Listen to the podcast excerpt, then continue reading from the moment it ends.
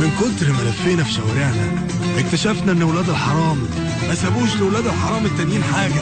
اسمع حكاوي أسامة الشاذلي. حاتم شفيق أغبى بني آدم ممكن تقابله في حياتك. ثلاثة من مدرسينه في المرحلة الابتدائية انتحروا بسببه وهو خلص الابتدائية بعد 11 سنة. في الإعدادية بقى مدرس العلوم بتاعه دخل مستشفى الأمراض العقلية ومسكه مدرس تاني على الحدود مع ليبيا بيحاول يهرب. بس هو المرة دي كان أحسن بكتير خد الإعدادية في خمس سنين بس. جه بقى في الثانوية العامة وحجرت معاه لدرجة إن آخر أستاذ حاول معاه هو الأستاذ عرابي المشد اكتشف إنه كان دفعته في أولى ابتدائي. ساعتها بس حاتم صعبت نفسه عليه قوي. وفهم إنه طالما عدى 30 سنة ولسه ما خدش ثانوية عامة يبقى يجرب حظه بقى في حاجة تانية. كان والده يا عيني ربنا يرحمه توفى بعد ما اتشل من غباء حاتم وفي ذكرى وفاة مامته اللي انتحرت لما فشلت تفهمه إن الرضاعة مش من صوابع رجلها حاتم قرر يعتزل الدنيا.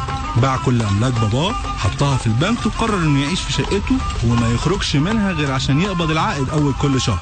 بس للأسف البنك غلط غلطة عمره وادى حاتم كارت ATM وكان طبعا كل شهر بيروح البنك أكتر من خمس ست مرات علشان مرة يجيب الكارت اللي اتسحب في المكنة مرة يغير الكارت اللي ضاع مرة يسحب من الشباك وهكذا.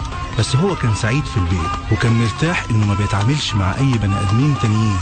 بس من كام شهر حاتم قرر يتجوز ولأنه كان وصل لسن ال 39 كان لازم يدور على حد مناسب ولان حاتم في آخر قياس لقدراته العقلية أثبتت إنه في مستوى تفكير دوت الأز قرر إنه يتجوز واحدة ذكية جدا عشان مشكلته ما تتكررش في ولاده. الغريبة بقى إن حاتم اتجوز في ظرف شهرين بس. بس الأغرب إن مراته اتطلقت بعد 13 يوم ورجعت بيت أبوها. بعد ما سابت حاتم على الحديدة حولت كل فلوسه في البنك لحسابها.